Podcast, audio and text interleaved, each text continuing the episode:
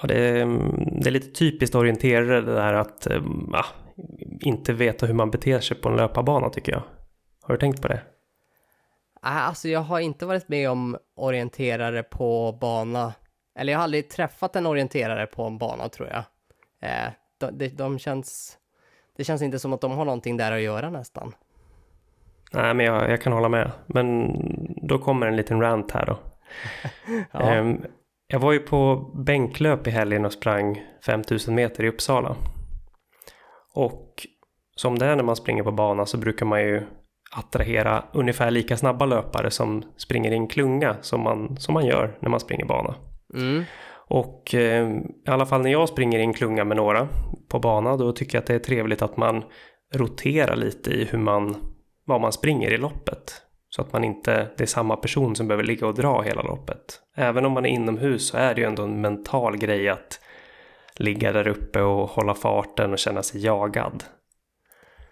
Absolut, ja men det känns bara som eh, löparvett och etikett som eh, särskilt de som är på vår nivå och eh, ännu snabbare ska känna till. Mm. Nej men så efter att loppet startade där så hamnade jag i front i andra klungan och hade åtminstone tre löpare bakom mig har jag sett på bilderna efteråt. Varav då en orienterare. Okay. ja, du, du hör vart det är på väg. Ja, jag, jag Nej, men, anar. Mm, Nej, men efter, efter en kilometer ungefär så kommer den som låg direkt bakom mig upp och eh, tar över täten. Känns ganska rimligt. En kilometer är väl en rimlig sträcka att låta någon dra. Mm. Um, och ja, men fortsätter hålla jämn fart. Och bakom mig så vet jag, jag hör ju att jag fortfarande har någon bakom mig. Och jag tror att det bara var en person sen då. Och då är det orienteraren. Okay. Och eh, ja, men, loppet rullar på. Eh, jag förväntade mig att det skulle vara lite, lite växling eller att någon annan skulle gå upp och kanske ta tag i taktpinnen. Men det händer inget. Så när det börjar närma sig tre kilometer så börjar jag fundera, ja, men jag, får göra, jag, ska, jag får göra något själv. För nu måste mm. jag ju knä, åtminstone knäcka den här killen som är före mig så att jag får en bättre plats i loppet. Så jag eh, trycker på lite där ut på startrakan eh, ut på den fjärde kilometern. Och eh, ja, får en liten lucka men, eh, men ändå så biter de sig fast. Och fortfarande så ingen som gör någon antydan till att gå upp och hjälpa till och höja farten och gemensamt göra det där. Men när det är ungefär fyra varv kvar då, så 800 meter på loppet, då dyker en ny person om mig som jag inte har sett tidigare i loppet. Och det här är då orienteraren. Okej. Okay. Jag, jag, jag, vet inte, jag tycker inte det här är helt rätt. Sen så pep han iväg ganska många sekunder och hade ganska mycket kvar i benen. Så jag tycker att man kanske kunde hjälpt till och trissa upp farten lite tidigare eller att ehm, ja, gynna andra när man var så pass stark i det här loppet som man ändå var. Ja, just det. Han, han låg helt enkelt i kölvattnet och eh, drog nytta av att eh, någon annan tog på sig ansvaret och sen när det var tillräckligt tillräckligt kort bit kvar så eh, kände han att det var dags att eh, dra på turbon helt enkelt. Precis. Ja, jo, sånt är, eh, sånt är absolut eh, irriterande. Jag har ju faktiskt en liknande Eh, erfarenhet från tidigare i somras eh, när jag sprang också 5000 meter eh, utomhus i, i Huddinge det är en kille som jag har eh, träffat på några lopp och vi brukar fightas lite och nu har jag tappat namnet på honom, men han eh, han låg i min rygg från start till när det var 300 meter kvar. Eh, då försökte han gå om och då hade jag dragit verkligen hela loppet och eh, mm. jag är ju alldeles för snäll. Jag markerade ju inte ens under loppet att han skulle komma upp och hjälpa, men det var några gånger som jag liksom medvetet försökte kliva åt sidan lite och sänka farten lite och se om han skulle reagera på något sätt, men han låg bara kvar där. Sen visste jag också på förhand att han, eh, mitt pers var betydligt bättre än hans pers, eller ja, en 20-30 sekunder i alla fall, men att han skulle försöka persa. Så att jag var lite rädd också att släpper jag upp honom så kommer han dra ner farten så pass mycket och jag ville persa. Um, mm. Så att, eh, men, det, ändå, men han erkände också efter loppet att han, han, han visste att han hade mig att tacka för precis allting, mm. så det gjorde väl mig lite mindre irriterad att han i alla fall mm. kom, fram och, kom fram och sa det. Men så var kanske inte fallet med din orienterare. Jo, det, det var faktiskt så. Han kom okay. faktiskt fram och sa att han visste om att han inte hade hjälpt till så mycket och kanske okay. kände lite, lite känslor kring det. Mm. Men det som nästan var mer jobbigt var att när han gick om mig så han genade in väldigt snävt framför mig. Han skulle gå mitt i kurvan. Och sen så ja, gick okay. han in precis framför så att hans, eh, hans vad klippte min, min, mitt smalben kan man säga. Mm. Så att jag fick mm. liksom bromsa upp i steget. Och eh, ah, det, det kanske är lite, man kan ta lite försiktigare när man springer mm. 5000 på, på kul så att säga. Ja, verkligen. Och speciellt när det är 200 meters bana inomhus och som jag förstår det så var det många deltagare på olika nivåer som sprang i samma hit. Det känns ganska stökigt, som en stökig situation, så att eh, ja, då kan man ju försöka anstränga sig ännu lite mer för att inte göra sina medlöpares resa sämre. Ja, något sånt i alla fall. Mm. Men fortfarande inga hard feelings här i efterhand, bara värt att ränta lite om det. Helt rätt. Ska vi passa på när vi ändå har börjat prata lite om lördagens tävling och berätta lite vad som har hänt? Mm. Vad var du Hannes? Ja, var var jag? Ja, jag var ju åtminstone inte på IFU Arena i Uppsala klockan 16.00 i mina spikskor som du var. Eh, istället så låg jag nedbäddad i min soffa här i Huddinge och eh, hade 39 graders feber. Den såg oh, jag inte mysigt. komma. Ja, exakt. Nej, det var extremt tråkigt faktiskt. Jag hade verkligen sett fram emot att springa. Dels för att få testa formen och se vad man går för, men också mycket bara att träffa roligt löparfolk och att få befinna sig i ett sånt loppsammanhang igen. Så det var riktigt trist, men eh, nej, det var på egentligen på torsdagen innan loppet som jag började känna lätt lätta, lätta symptom på att någonting inte stod riktigt rätt till i kroppen. Um, men jag tänkte att det bara var sådana här tävlingsnerver eller demoner där man no tror att man är sjuk men man inte är sjuk.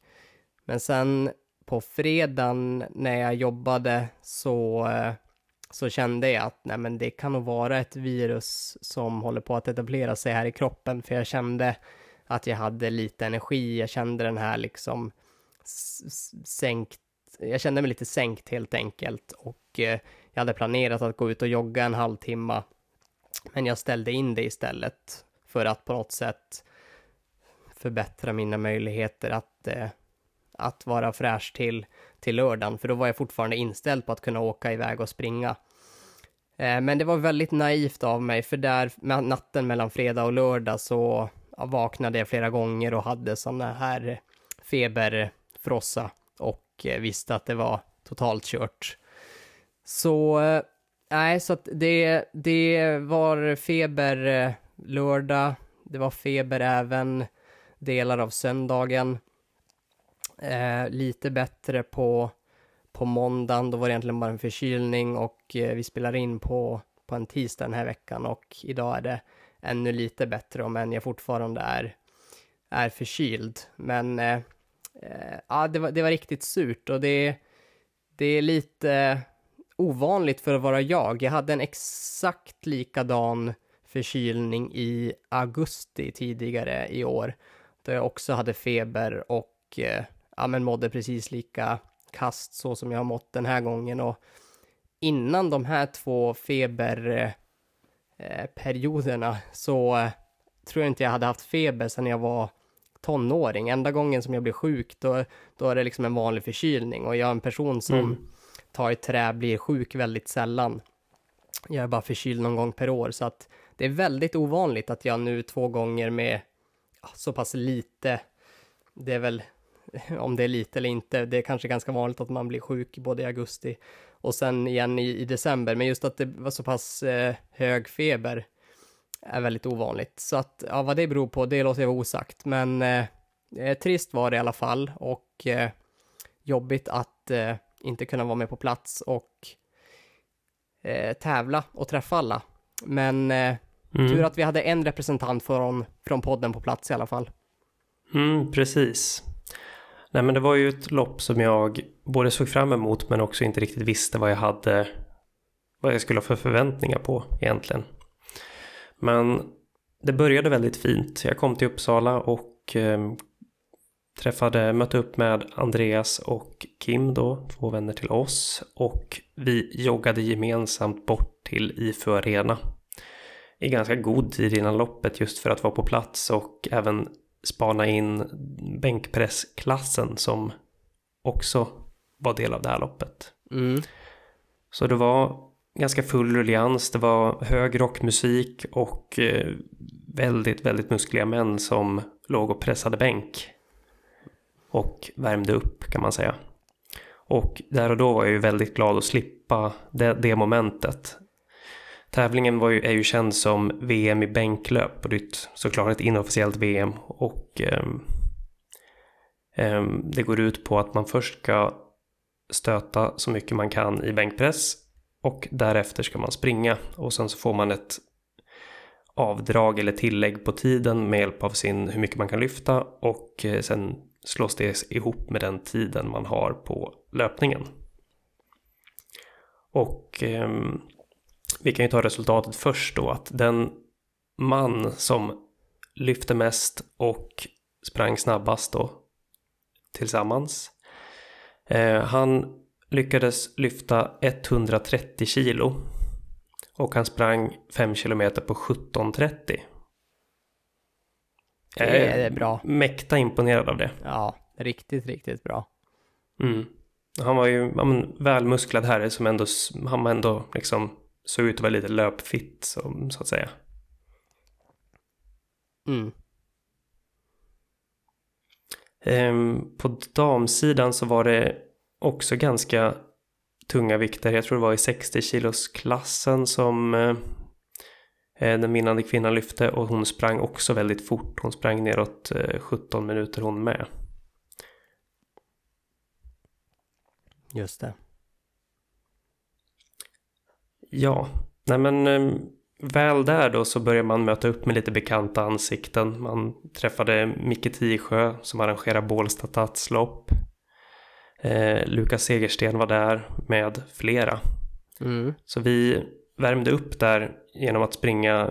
Vi hade bara ett par uteskor med oss och ville inte smutsa ner inomhus. Så vi sprang barfota fram och tillbaka på en 100 meter rakbana som de har där inne för sprinters. Så vi, jag, Kim och Micke sprang och snackade där och sprang ja, knappt två kilometer fram och tillbaka på den där rakbanan. Och jag menar, jag tror jag ska börja göra det oftare när jag ska springa bana för att springa barfota inomhus det är ju lite, det är ganska stumt, man måste jobba mycket med fötterna så man aktiverar ju sig. Så att när man sen drog på sig spikskorna så kändes ju de mycket tjockare och mer väldämpade än vad de faktiskt är. Så det var liten ny tanke som jag inte har slagit mig för. Mm, det, direkt när du beskrev här så kändes det verkligen som att det kan ge en sån, ungefär som att på ett ban, nej, ett väglopp så har man några tunga eh, betongskor och sen så drar man på sig lättvikts studsskorna och så får man, känns det som en supereffekt. För annars, om man är van att springa de här mjuka uppbyggda, så känns ju spikskorna som kan kännas väldigt, väldigt straffande. Mm, precis. Nej, men jag kände ju nervositet i kroppen och eh, ja, men magen var inte helt i balans som den inte alltid är där inför ett lopp. Hade dragit i mig en koffeinshot för att få det här sista påslaget och eh, springa bra. Och eh, Kim och jag vi gav oss ut på en sista stride där och så vi sprang ja, runt halva varvet inomhus då. Och då gick det väldigt fort. Jag kände att pulsen sköt i höjden på en gång och Kim fällde någon liknande kommentar att oj, jag var redan uppe i 170 puls efter 100 meter. Mm. Eh, och då kände vi att det var på gång. Vi samlades där alla som skulle springa A-hitet och eh, det var sidat så att de som hade måltid under 19 minuter skulle springa A-hit. Så det blev ett väldigt stort startfält. Jag tror det var över 20 personer faktiskt i det hitet. Jag minns inte helt och hållet exakt hur många det var men jag tror det var runt 20 pers i varje fall. Och då kommer man, Kim sa redan före loppet att ja, men om jag springer runt 15 minuter så blir det fyra varvningar. Ja. Och ja, i värsta fall så kommer jag få 100 meter extra att springa. Ja. Jag vet inte hur han räknat ut det, men det känns ändå skäligt att det blir en extra sträcka att springa när man ska runda löpare. Jo, men absolut. Eh, och inte minst då på en 200 meters bana där det är skarpare kurvor och allmänt stökigare. Mm. Nej, men vi startskottet går i alla fall och eh, ja, det var lite, kom lite plötsligt sådär men eh, jag kom ur blocken ganska väl, blev framsläppt eh, och de förstod att eh, det var Micke Tisjö som var lite steget framför mig men han släppte fram mig för han, ja, han visste väl att jag hade tänkt springa lite snabbare än vad han hade tänkt så det var väldigt schysst stämning så. Mm. Ehm, Kim han pep iväg en jäkla fart, jag tror han hade Ja, jag, jag, vet inte vad han hade på första hundringen, men efter ett varv så kollade jag på min klocka och jag passerade på 36 och Kim mm. hade redan en lucka på kanske 10-15 meter. Så ja. neråt 34 på första 200 kanske. Ja, Något nej, sånt. Ja. nej, nej, men det, det, det är också ganska i sånt 5000 meters lopp. Det är endorfinerna och adrenalinet och allt där i max. Det brukar, den där första mm. 200 är nästan omöjlig att sätta enligt, eh, enligt planen. Eh, men sen gäller det ju att ganska snabbt hinna in, hitta eh, ner i sitt tänkta tempo om man inte helt vill mm. förstöra sitt lopp. Ja, och Kim och jag brukar ju skämta lite om det här att han är ju lite känd för att eh, junioröppna brukar ofta driva med sig själv och hur mycket han mm. junioröppnar. Så vi hade kunnat mm. få en väldigt fin bild där om någon hade fotat oss från sidan när, när jag kom där långt efter, efter 200 meter redan. Ja, absolut. Nej, men sen så stabiliserade sig farten och jag gick egentligen bara på känsla. Jag tittade på det där första varvet men sen tittade jag inte så mycket mer utan försökte hitta en bekväm känsla att springa i. Man såg även att Kim inte drog ifrån lika mycket men han drog fortfarande ifrån. Ehm, och ehm, då, som jag sa tidigare i inledningen så låg jag i tät på andra klungan och hade en person bakom mig.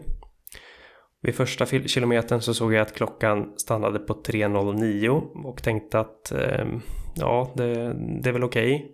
Jag visste inte riktigt vad jag skulle ha för ambitioner med loppet men man, jag sprang och snabbräknade lite i huvudet under 15.50 skulle jag vilja komma i varje fall. Mm. Sen så gick då den här lö andra löparen, Erik heter han, upp före mig och eh, höll farten nästa kilometer som jag också knäppte av på 3.09. Eh, han fick fortsätta sköta farthållningen en kilometer till och även då tredje kilometern gick på 3.09 så vi hade verkligen hittat in i en jämn rytm. Mm. Ja, hur kändes det där då efter 3000 meter i, i 309 fart? Jag tyckte det kändes väldigt bra faktiskt. Jag kände mig... Jag tyckte inte det kändes som jag mindes 5000 meters fart när det är som värst. Mm. Men jag vet inte, det där, det där var något som jag funderade på lite under loppet och även efter loppet om jag var för feg. Hade det varit en mer intressant utveckling på dagen om jag bara hade tagit rygg på Kim och legat där och eh, hållit mig bakom så länge jag kunde orka. Det kommer jag ju aldrig få veta men mm. det där tror jag är väldigt viktigt när man springer korta distanser så som 5000 att man ska kanske planera in lite flera lopp så att man har chansen att träna på att tävla. För att ja. hade jag sprungit det igen nu på lördag, då hade jag nog testat att ligga med Kim, även om jag visste att det skulle bli ett lidande mot slutet. Mm. Men så är det, jag förstår precis vad du tänker. Mm. Nej men så det blev lite så här placeringstänk där för mig. Och eh, jag kände att nej, men nu ska jag väl ändå gå upp och grilla den här Erik lite. Så jag tryckte till lite och gick om där ut på den fjärde kilometern som sagt. Och fick en liten lucka för det kom också en varvning ganska strax därefter så att jag, jag hörde inte riktigt hans fotsteg så nära mig. Jag brukar aldrig titta bak egentligen under sådana här lopp utan jag bara fokuserar bara framåt och eh, lyssnar istället på om jag hör att någon är nära mig. Och fortsatte hålla uppe farten då till att det var en kilometer kvar. Då hade vi en passage på 3.05 på den kilometern så farten hade ändå ökat eh, några sekunder och det känns ju ganska, ganska mycket då att farten har ökat när det, när det är ja, i de fartspannen för min del. Mm. Så då var det ändå väldigt ansträngt. Och jag tror även att det var där någonstans som jag började höra att de hade återanslutit då eh, Erik och den här orienteraren. Um, sen fortsatte jag trycka på men hade väl en liten svacka kan man ändå säga. Um, runt 800 meter kvar. Och det var ju då både orienteraren och även Erik då gick om mig. Jag minns inte exakt vilken, hur de gick om men, men de kom en efter en i varje fall. Och orienteraren stack iväg och jag såg Erik börja glida iväg lite.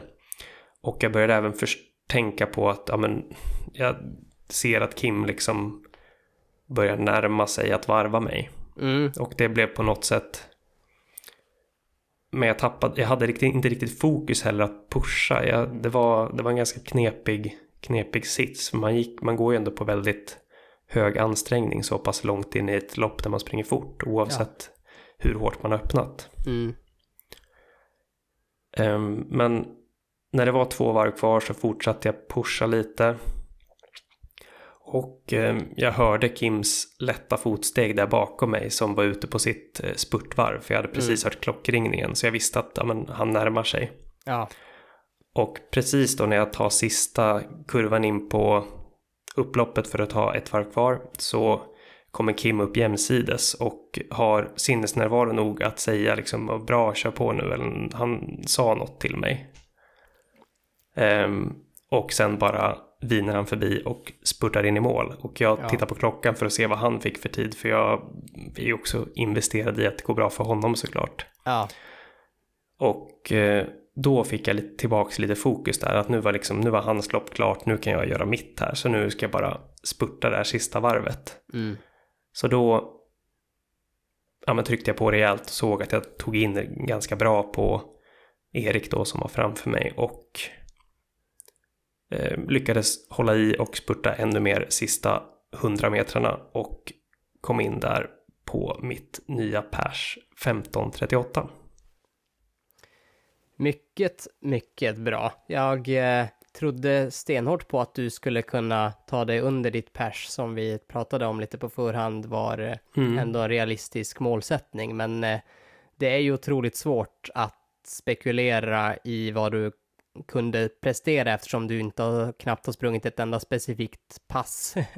Utan mm, det är ju nej, precis. precis. som jag själv hade tävlat, om jag hade tävlat så är det ju bara direkt in från grundträningen. Så det gör det ju otroligt eh, än, ännu, ännu mer imponerande. Och inomhus och med alla de här varvningarna som du ju ändå också fick erfara en del. Mm. Så att det är ju ett, eh, ett superbesked att du är i bra form. Mm.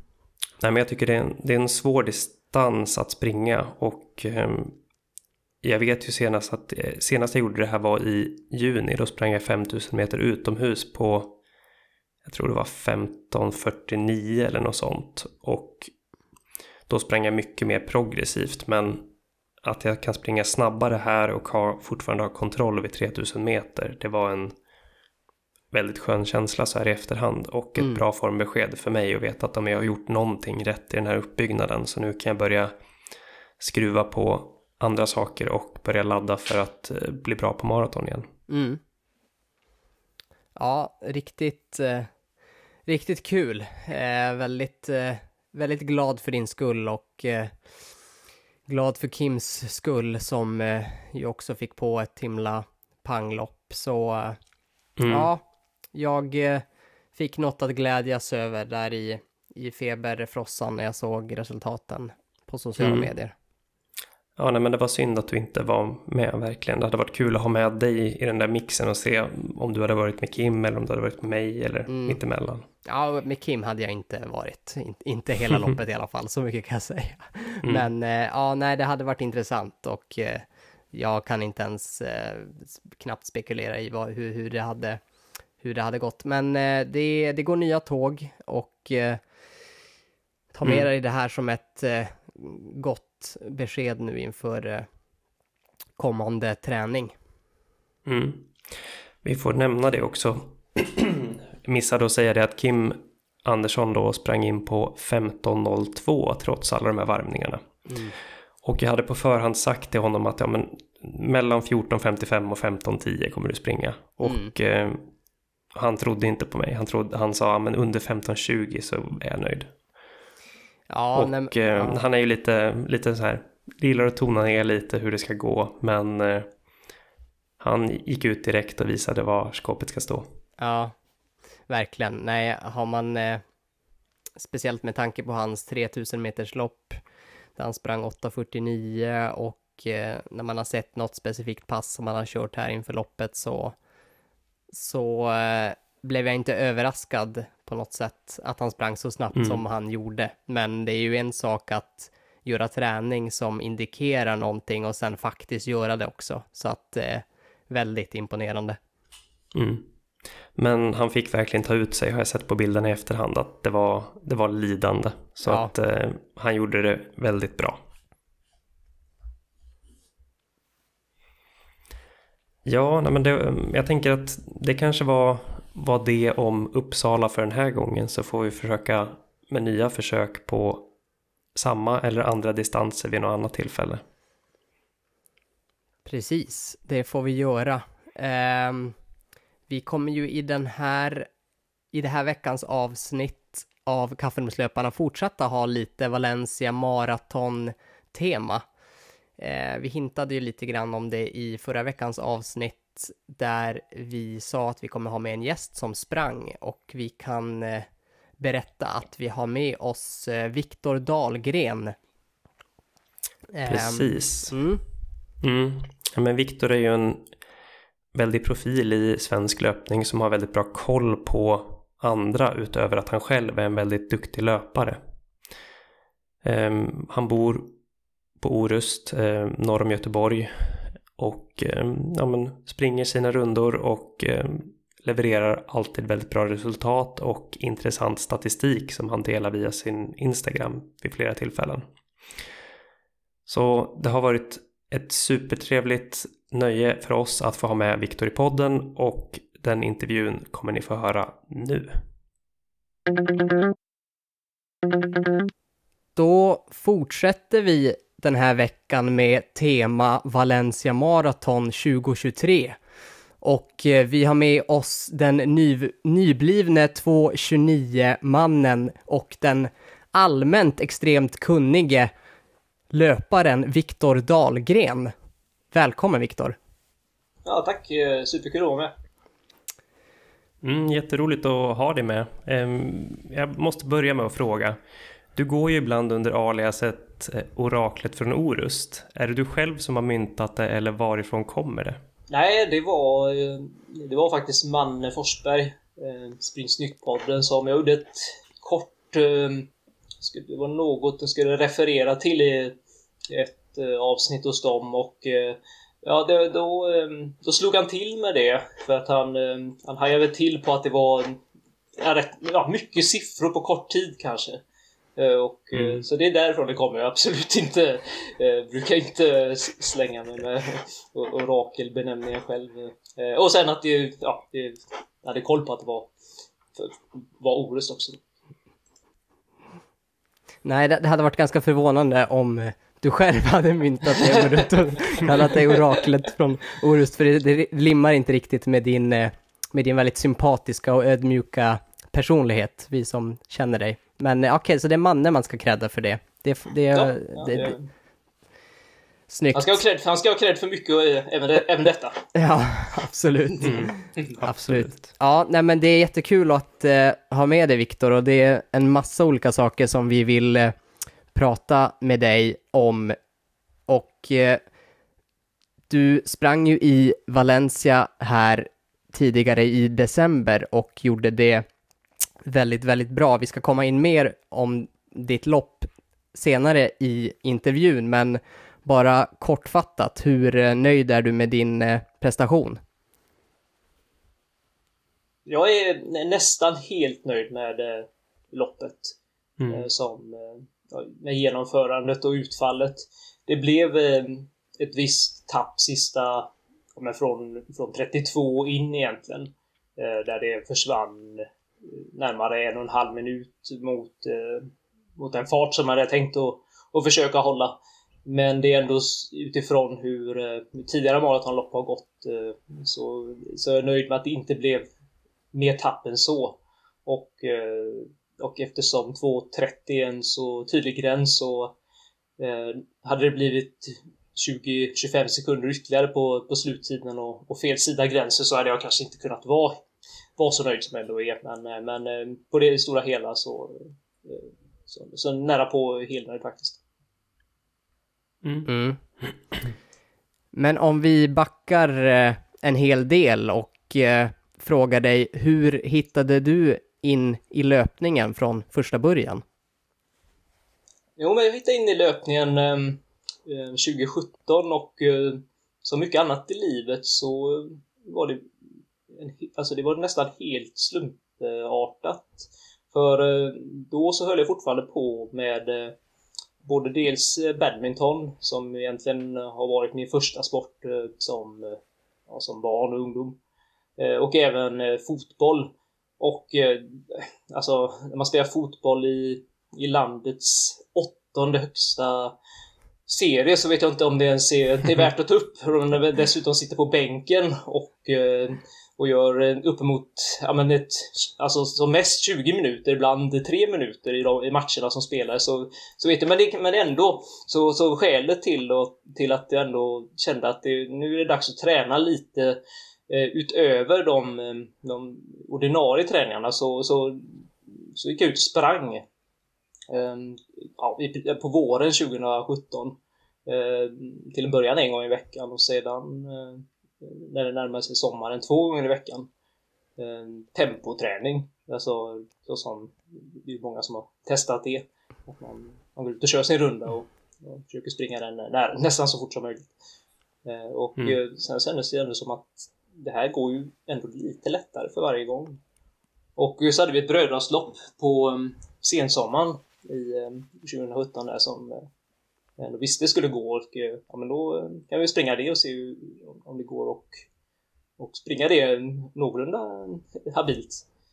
Eh, och då blev det um, 32 minuter blankt på 8 kilometer. Det är ju då fyra blankfart.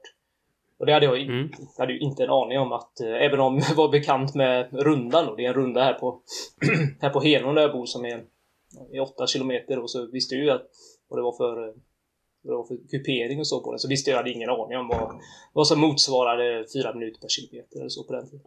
Mm. Och eh, sen dess är jag väl egentligen fast. Eh, så det, det är drygt, eh, ja, drygt sex år sedan det här utspelade sig. Mm. Mm. Du kom ju in efter ett tag på maratonlöpning. Var det någonting du redan tidigt började uppskatta att springa längre? Mm, alltså, inte just... Eh, visste väl inte att det skulle bli eh, alltså hela 4,2 mil så, ti- så tidigt egentligen, utan det var ju snarare att man tänkte att det, det hade varit kul att se om det gick att springa milen eh, på kanske under 40 minuter eller ja, 38 minuter om det ville sig väl. Mm. Men, eh, men i och med att det aldrig har gått att springa någonting kort överhuvudtaget. Jag har alltid varit eh, avhängd på, eh, men på fotbollsträningarnas eh, till exempel. Alltså bara rena sprinter eller några backruscher eller någonting. All, alltid eh, liksom, eh, alltså typ tredje sist på dem. Målvakten sist och så den i laget som hade tränat sämst under vintern var näst sist och sen var det jag ungefär.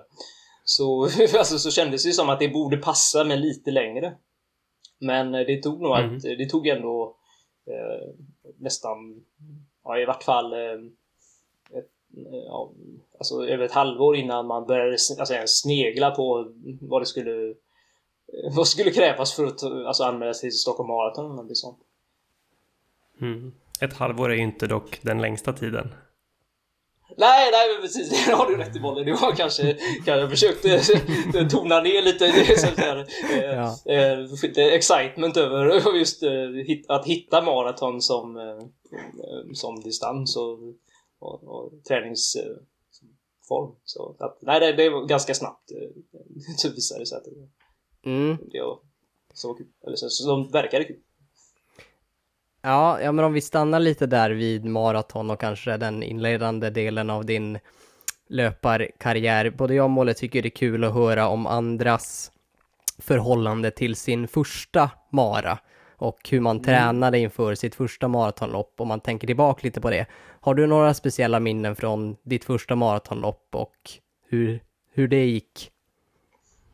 Jo, det, det var ju då eh, då, då vi befinner oss under 2018. Eh, ja, nej, egentligen nästan ett år efter att jag drog igång med de här temporundorna någon gång i veckan. Och eh, då hade jag ändå hunnit få upp, eh, alltså, alltså tränat under våren där 7-8 mil i veckan. Ibland hade man någon vecka på 10 mil, mil och så skavde det en hälsena efter det. Mm. Eh, och så att det blev en anmälan till Stockholm eh, någon, ja, ett par, tre månader innan kanske. Eh, där. Och, och, och dessutom så blev det debut på halvmaran sex veckor innan. Eh, ett lopp som går i, eh, går i Kungs, går Kungsbacka på våren, strax söder om Göteborg. Och det gick, jag fick med mig en överraskande tid därifrån. Vi lyckades ta mig under 1.20 det är mm. 18 höga. Mm. Och det, visst, det fanns väl någon indikation att milformen skulle kunna, ja, i alla fall runt 1,20. Och det var ju, eh, ja men vad kul, då kanske man ändå ska spänna bågen lite grann i Stockholm. Och eh, gå för, ja, 2,50 där i trakten. 2,52. Mm. Och eh, jo, visst, det är ju, det kan man ju försöka om man, man kan träna långt, man kan se alltså hur andra har tränat för, med, och byggt långpass och så vidare. Eh, men ehm, när loppdagen sedan infinner sig och det är 27 grader innan start så kan det vara klokt att kanske revidera utgångsfarten lite. Ja, det jag känner igen mig i det där. ja, mm. sprang ni, sprang, ja. sprang ni båda två det här? Eh? Ja, yes. vad sa du, det var 2018 va? 2018. Jo, ja. men då blev jag mm. ihjälkörd av en taxi. Det var fel. Jag blev, frå, i, i en taxi blev jag skjutsad från Rålambshovsparken helt eh, död. Så jag tog mig sant? inte ens i mål. Ja, precis. Är det Rålis just alltså? Ja, precis. Okay. Ja. För det är nämligen där, där dukar jag under, även jag under. Jaha, det var okej. Okay. Ja, ja eh, precis för man, på den, det var ju första året med nya banan. Eh, jo, precis. På, och och eh, ner, Västerbron ner. Ja. Eh, 30, 34 kilometer kramp. Ja. Bara ja. pang. Okay. Mm. Rakt av och då hade ju väggen ändå infunnit sig. Nu hoppar, hoppar lite förbi lite eh, plågsamma kilometrar men väggen kom ju redan vid Eh, alltså redan runt halvmaran, halvmaran och då ja. så att det var sen var det jogg eh, så gott det gick fram, fram dit och sen ville inte benen längre.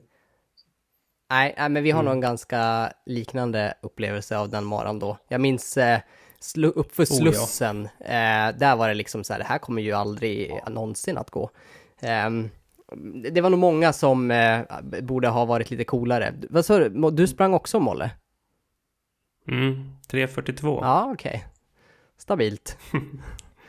ja. Mm, visst. Vad, vad siktade du på? Nu, ska, nu handlar det här om Viktor, men vad siktade ja. du på i det loppet?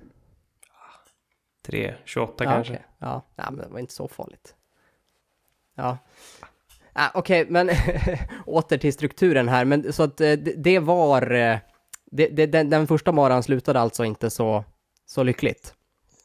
Nej, nej, utan eh, det blev ja, ja, då krampattack där i utförslöpan och någon eh, blev skjutsad på något, någon typ av flak till eh, sjuktälten vid, eh, ja, på Norr Mälarstrand. Mm. Och eh, ja, vi Mm. inrullade i någon folie där och eh, sedan så, så var det de här kramperna och det är faktiskt eh, det här, är- man har ju olika lätt för att reagera så här tydligen på utmattning. Och är man, eh, ja, har man lätt för att krampa så, eh, så tar, kan det ta tid innan det, innan det lägger sig. Och så här tog det flera timmar innan, eh, innan det hade ja, fejdat ut tillräckligt. Eh, Mm. Så det var, det var speciellt och, och kanske hann man tänka en och tre gånger att ja, men är det här verkligen för mig den här alltså, alltså maraton, det är ändå långt alltså. Mm. Ja, Ja. men det var faktiskt min följdfråga om den här upplevelsen då avskräckte dig på något sätt. Eller det gjorde det ju uppenbarligen inte. Tillräckligt mycket i alla fall. Nej, nej det gjorde det inte. Utan eh, för strax före så hade jag eh, kontaktat eh, Christian Munt, Christian Alsén numera, på Instagram och kollat om han hade några platser över på... För han hade börjat att att träna adepter på ja, som sin, eh, sin huvudsakliga syssla och det, mm, det hade han. Så att vi hade kommit överens om att, att eh, starta träning ett, ja, efter Stockholm och ett, efter återhämtningen. Så att eh, man hade i alla fall fått, fått något som hade gjutit mod i en strax före det här debaclet med, med DNFen. Så att det var, man såg ju fram emot att få, få bli omhändertagen av någon som förstår sig på det här. Hur man faktiskt kan och borde, borde träna. Så, så att det, det kom aldrig någon, några egentligen, alltså visst det var det inget, ingen hit att ligga där och inte kunna ja, alltså styra hur musklerna ska alltså, bete sig men, eh, men det är ju det var, det var lärdom på, på något sätt också.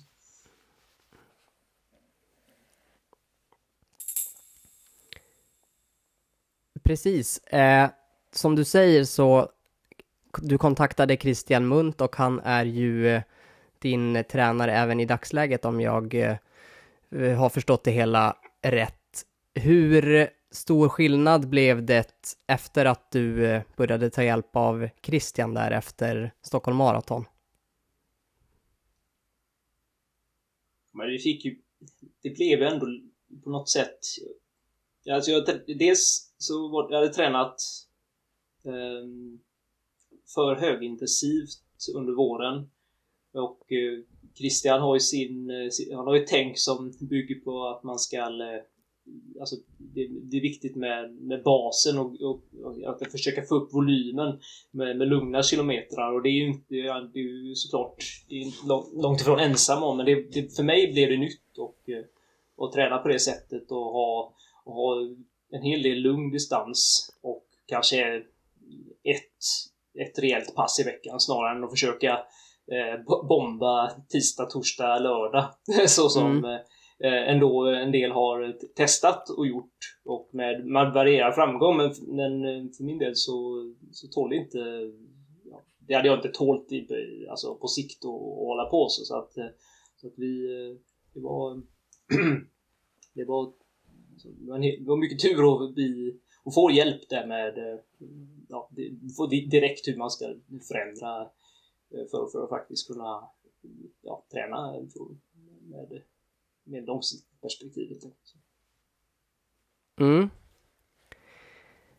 Ehm, och hur skulle du säga då att eh, fram till eh, 2023 där vi är idag, för du har ju tagit eh, enorma kliv på, ja men framförallt maraton men även på, på andra distanser, för du nämnde att du sprang på under en, eh, en 20 där 2018 och eh, nu är du nere på 71 minuter och du har precis sprungit maraton under eh, 2.30 efter att ha misslyckats där 2018 med att springa kring eh, 2.50. Ja Eh, precis det. det var, ja, misslyckats med springa under 2.50 och då var ju även... eh, Ja, det hade gärna tagit min mål på 4.30 om det hade varit så. Eh, det, just, det, just det loppet, det var den medaljen var. ja, jag det, förstår. det, man längtade efter den och... och eh, nu vet jag inte, nu var det väl... Jo, det var, det var ju finisher t-shirt också som man gick, Mm. gick miste om när man inte kom i mål där. Mm, Jo men för att... det, det, det har ju jag har fått ett lyft egentligen sedan för runt ett år sedan. Eh, alltså för, så förra året 2022 och det här året så har det gått framåt tidsmässigt.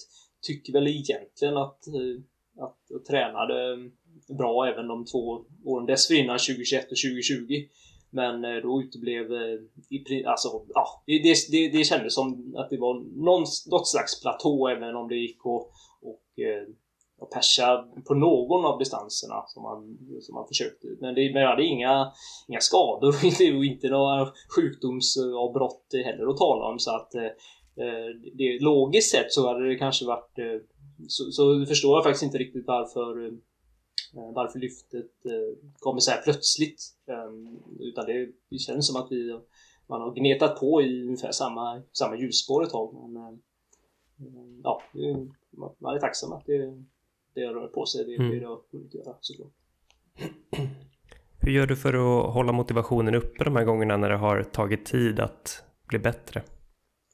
Ja, det är en bra fråga. Ehm, alltså, jag tycker att ja, men det är mycket av motivation kommer från eh, alltså gemenskapen inom den eh, liksom, alltså den ambitiösa delen av, av svensk löpning. Det finns, eh, här är ju en massa eh, Eh, så härligt och intressant folk som håller på med det här. Och, eh, och när man är på eh, ändå runt vår nivå och kanske även något hack upp så, så kan man inte, det, det, jag säger inte att man tröstar sig med det när det går, när det, men, men på något sätt så är det, jag, jag ser inte riktigt hur det skulle gå att vara utan. och genom att alltså, så här, känna att man, nej men nu får det, nu, nu har det gått knackigt alltså nu vill jag bara springa uh, fyra dagar i veckan ett tag och så kanske motivationen kommer tillbaka utan det har aldrig varit, um, det har inte varit uh, en, någonting som har hållit tillbaka träningen utan det har, alltid, det har faktiskt för det mesta inte varit något, aldrig att, man har, att det varit motigt eller så. Så att jag är inte, jag är inte rätt person att svara på det. Det, det är så tyvärr. mm. Ja, men vi har ju pratat lite grann om, eh, om din utveckling och eh, nämnt dina, dina tider lite, men vi gillar ju den här podden då också att fråga om eh, PB-stegar. Eh, Mm. Vad, vad, är den kortaste, kortaste distansen som du har ett personbästa på? Jo, men jag, har sprungit, jag har aldrig sprungit 1500 meter, så 3000 är mm. den, det kortaste jag har tävlat på. Mm. Och, eh, och där har vi eh, 9.54 att mm. eh, presentera inomhus. Mm. Det kan du nog slå idag. Det, det finns, det äh, kanske inte just på dagen faktiskt. Det är tveksamt om det går att ta sig under 14.54 på, på femfart. Men, eh, men Nej, eh, det finns ju ändå om, om det med några veckors träning och nummerlapp ja. så, så finns, finns möjligheterna. Precis. Och, eh, mm. och sen så ja, jag gjort en start på 5000 också. Mm. Och jag råkar inte veta på sekunden vad det blev, men det blev um, en, jag, jag hann ta mig in under 17 minuter med nöd och näppe. Det kan vara 16.56 som är PB från, från 5000. Mm. Och det här är ändå 2020-tider. Eh, så för ni som tävlar på de här mm. distanserna titt som tätt så, så förstår ni ändå att det har eh, eh, det, det, liksom, det har gjorts träning men det har blivit liksom, tveksamma tider på, på, un, på underdistanser. Mm. Eh, det, det, det, det, får vi vara, det får vi vara ärliga med. Ja, men du, är som en eh, inverterad, du är som en inverterad version av mig kan man nästan säga. För att för mig, jag har ju lagt in en jädra massa träning på de långa distanserna, men där, där, där blir det soppartorsk. Medan jag kanske får ut det på... Så att, ja men jag förstår din känsla, hur det kan vara. Ja, ja men det är och, och det är all respekt för, för 5000 framförallt. Mm. För det är som sagt en start och det är ju något av det jobbigaste som jag har gjort. Eh, lite grann, eh, ja ganska tidigt i träningsblocket men jag tycker ändå att eh, det fanns någon, någon, form av 16.30-16.40 förhoppningar på, på det loppet och eh, den missade ut ganska kraftigt och eh, ja men för andra som ja, som, har, som alltid har en 1545 i, som man kan gå ut, alltså ställa ut. Det, det, det, det har jag stor respekt för. Mm. Eh, får se om det blir någon, något försök senare i, ja, i, något, sommarspelen eller den typen av mm. arrangemang. Hade, mm. hade varit lämpligt. Mm. Men sedan då bilen så, så är um, PB ett, um, eh, 3305 från ett eh, lopp i, på, på Hisingen i norr, norra Göteborg. Eh, Så den är ändå, när den, det var en, eh, det var, måste jag säga, att ett av de lopp som jag kanske är mest nöjd med. För eh, det kapar en, en del tid och att, att vara så nära att faktiskt, det, det trodde jag inte. Att det, Mm. Så ja. Och så, fort, och så sen halvmaraton, en 11, 11. Lätt Mm. att komma ihåg. Verkligen. Från, från eh, Berlin i våras, Berlin halvmaraton. Och sedan eh, maratontiden då som landade på 2.29.39. Mm.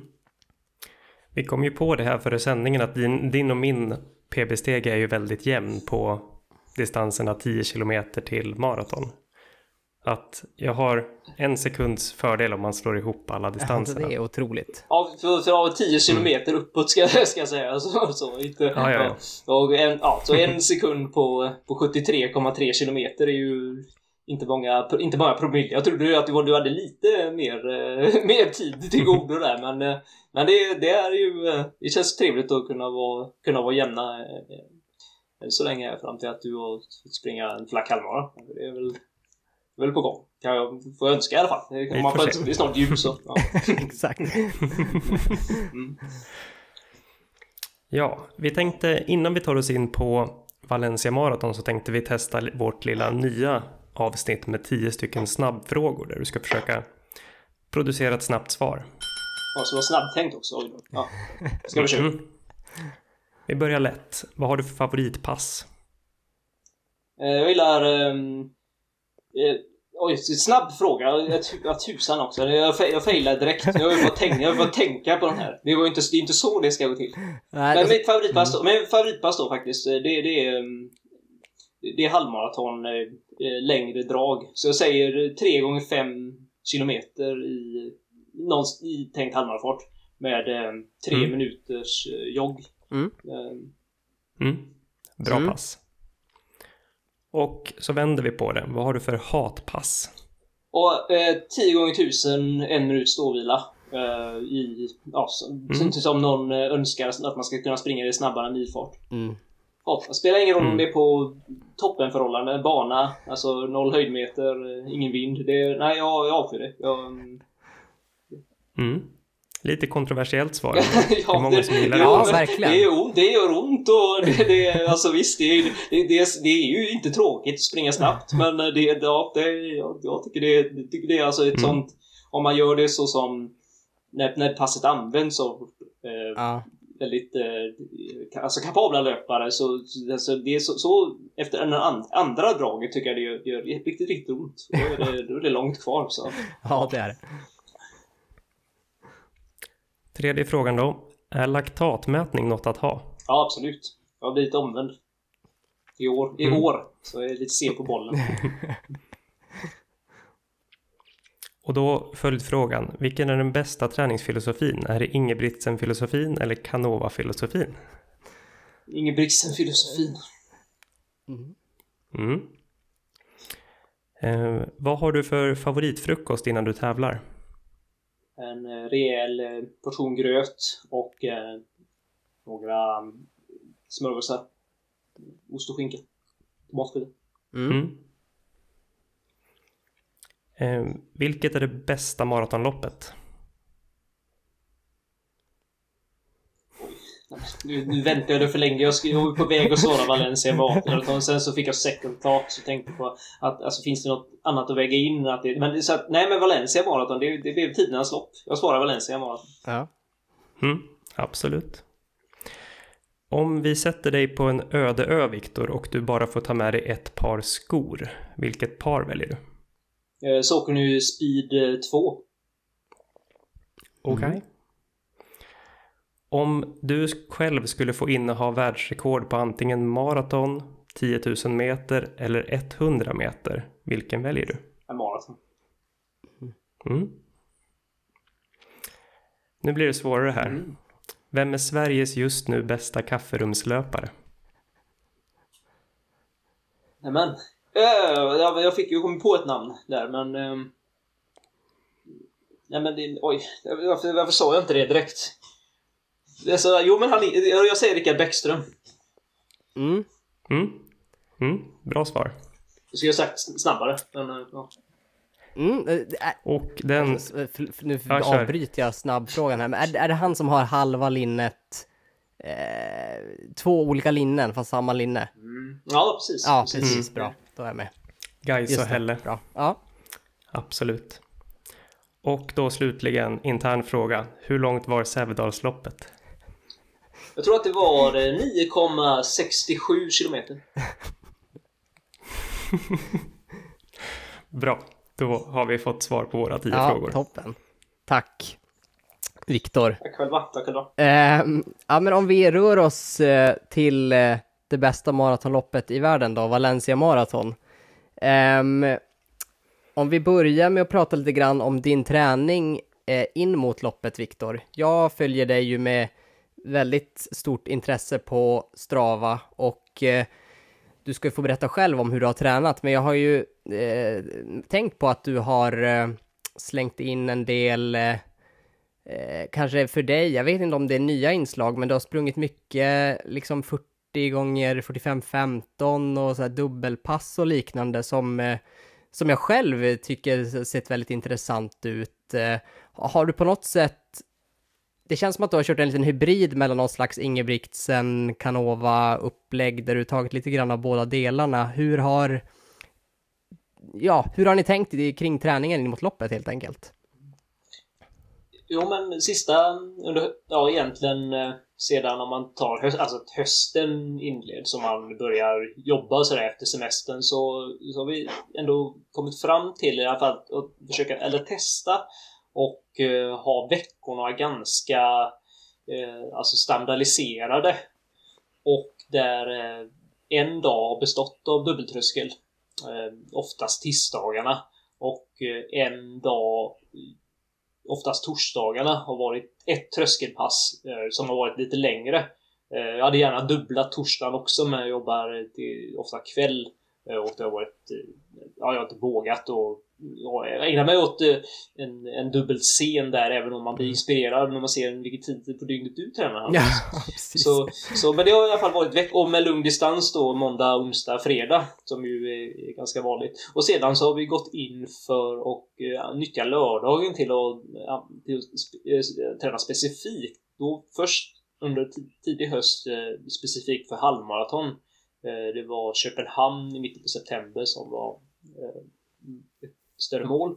Och sedan försökt switcha över eh, alltså de lördagspassen som vi använde i början av hösten till att bli mer eh, maratonmässiga eh, under ja, egentligen sista eh, 8-9 veckorna innan Valencia. Eh, och så det är, det är, det är helt, ni är helt, alltså helt rätt ute när ni säger att det rör, det rör sig om någon form av hybrid mm. mellan alltså den, den mm. tröskelbetonade träningen som vi idag känner eh, från våra grannar i, Norge och, och det alltså mer alltså klassisk eh, maratonträning. Mm. Canova med flera. Mm. Så...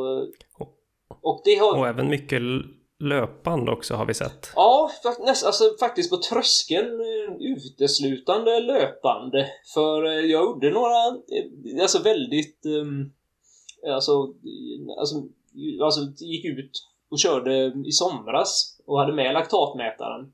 Och eh, det mm, yrde laktatstrips och eh, blod eh, så spilldes till höger och vänster och tog ju flera minuter innan ett felvärde eh, kom fram på de, de första gångerna. När jag inte insåg att det här, vilket hantverk det, det, ändå, det, det ändå handlar om. Att, alltså för att vara, eff, vara effektiv med och, och få liksom bitarna på plats. Så, så sen dess så har jag alltså, smitit in och, och kör på, på gymmet eh, på band. Mm. Jag tycker att det har varit ett alltså lätt att, att styra intensiteten och så också. Mm. Ja. Ja, nej, men det, det är intressant eh, och det har ju uppenbarligen eh, eller ja, nu innan vi kommer in på loppet, hur, eh, hur utvärderar du själva uppbyggnaden? Eh, gick den helt enligt plan eller var det något som du fick eh, korrigera längs vägen? Alltså det gick... Jag tycker ju inte att... Jag kan, jag kan inte önska något mer faktiskt av uppbyggnaden. Utan det kändes... Eh, jag tycker att det gick att upprätthålla... Jag har sprungit runt, alltså runt 15-16 mil totalt på veckorna. Någon vecka har jag kanske stuckit upp till 17 till och med, men där, ja, någonstans 15-16. Eh, man, jag har känt mig tillräckligt fräsch till trösklarna varje gång. Och eh, det, det, kan vara ett problem annars när man maratontränar, att man kommer in Eh, alltså, rätt så sliten till, eh, till nästa kvalitetspass. Men det har jag inte upplevt nu. Utan eh, det har flutit på med tröskelpassen. Inte sett någon, någon alltså anmärkningsvärd förbättring på dem, skulle jag inte säga. Så att det som har gett självförtroende in, inför Valencia är egentligen de lördagspassen uteslutande.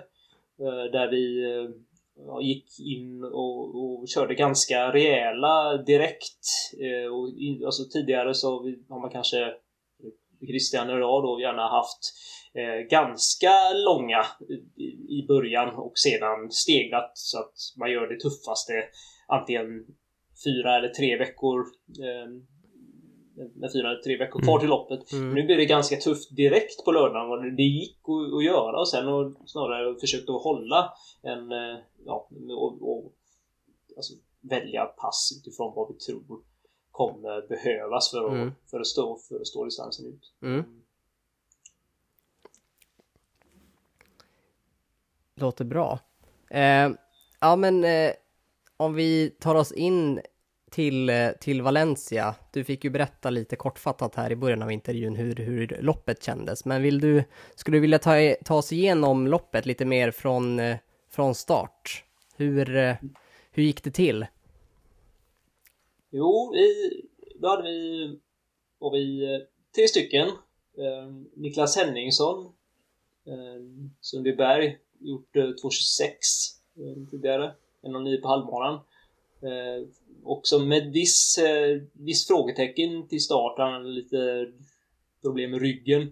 Eh, och så, så, att han, eh, jag och en kille från, eh, från Hälle i Göteborg, Niklas Wiberg, eh, som vi, vi har tränat en del ihop, framförallt inför Köpenhamn. Eh, vi kom överens i kvällen före om att eh, gå ihop i eh, och öppna runt 1.14.00 halvvägs, vilket är 3.30 fart. Så att, eh, ja men det är ju det kändes som att, eh, det visste jag inte alltså förrän där då, utan jag trodde dels så, så var det, var inne på att alltså Henningsson i, utan, alltså i, en 100% i Henningsson, han går snabbare. Eh, och går mm. mot, ja, utmanar, alltså för han har gjort fin, fin träning just och han utmanar säkert, försöker utmana sitt PB. Och Niklas Wiberg skulle inte springa hela distansen ens. Så plötsligt hade vi ändå en, eh, ett upplägg här ihop. Så, eh, så det var ju, eh, det var fint.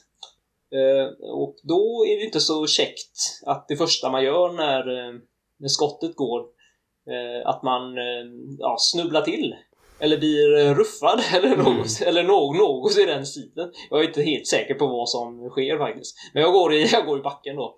Eh, direkt. Right. Och, eh, eh, mm. ja, och där är det ju med att, där är ju då på maran så, tyck, så har jag aldrig tidigare varit med om att det känns som att folk är hetsiga. Eh, utan det känns på, ja, i andra lopp, Stockholm till exempel, så är det ju ganska man kommer iväg bra och det är, det är, ganska, fri, det är ganska fritt att, mm, att röra ja. sig. Men, men de som sprang Valencia förra året nu har berättat att det var väldigt trångt då. Så tänkte faktiskt på... Det var det. Ja, det var, ja, precis även i, fram i, liksom i, den, i fältet för sub 2.30. Um, som du, ja, du stod där förra året också, ja. Mm. Um, så att, jaha, okej, okay, så och, och sen så kan det också bli, alltså man kan ju bli nedsprungen eller något. Mm. Men det, det, det, ja. det, det hände inte utan eh, det, är naturen att man eh, lyckades fånga upp. Eh, och allt var mm. helt och sådär. Du måste ha kommit Ja, du måste ha varit jättesmidig upp, tänker jag mig, för att det kommer ju människor forsandes. Ja, det måste ju... Det, på något sätt i alla fall så, så lyckades ta mig upp och, och sen eh, så, så är det ju som tur var ett maraton. Det är inte, inte 1500 eller någonting vi, där, det, där vi måste ta position direkt utan det, det gick att hitta in i, någon, alltså i rätt eh, alltså i rätt rytm på något sätt. Sen var, det spelar ju ingen roll hur, eh, hur fort det går där första, första kilometern eller någonting sånt.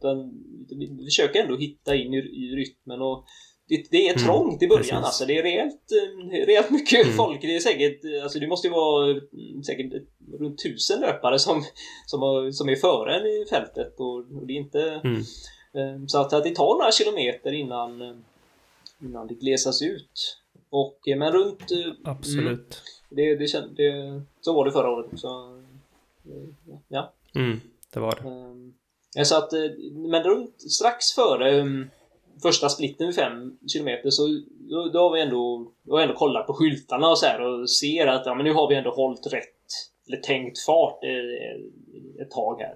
Men eh, vi eh, klickar in första på ungefär 15 sekunder långsammare än tänkt.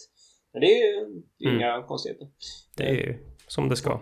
Mm. Ehm, så att, och sen så går det alltså, alltså ganska fort upplever jag eh, alltså transportsträckan eh, 5, 10, 15 till att börja med.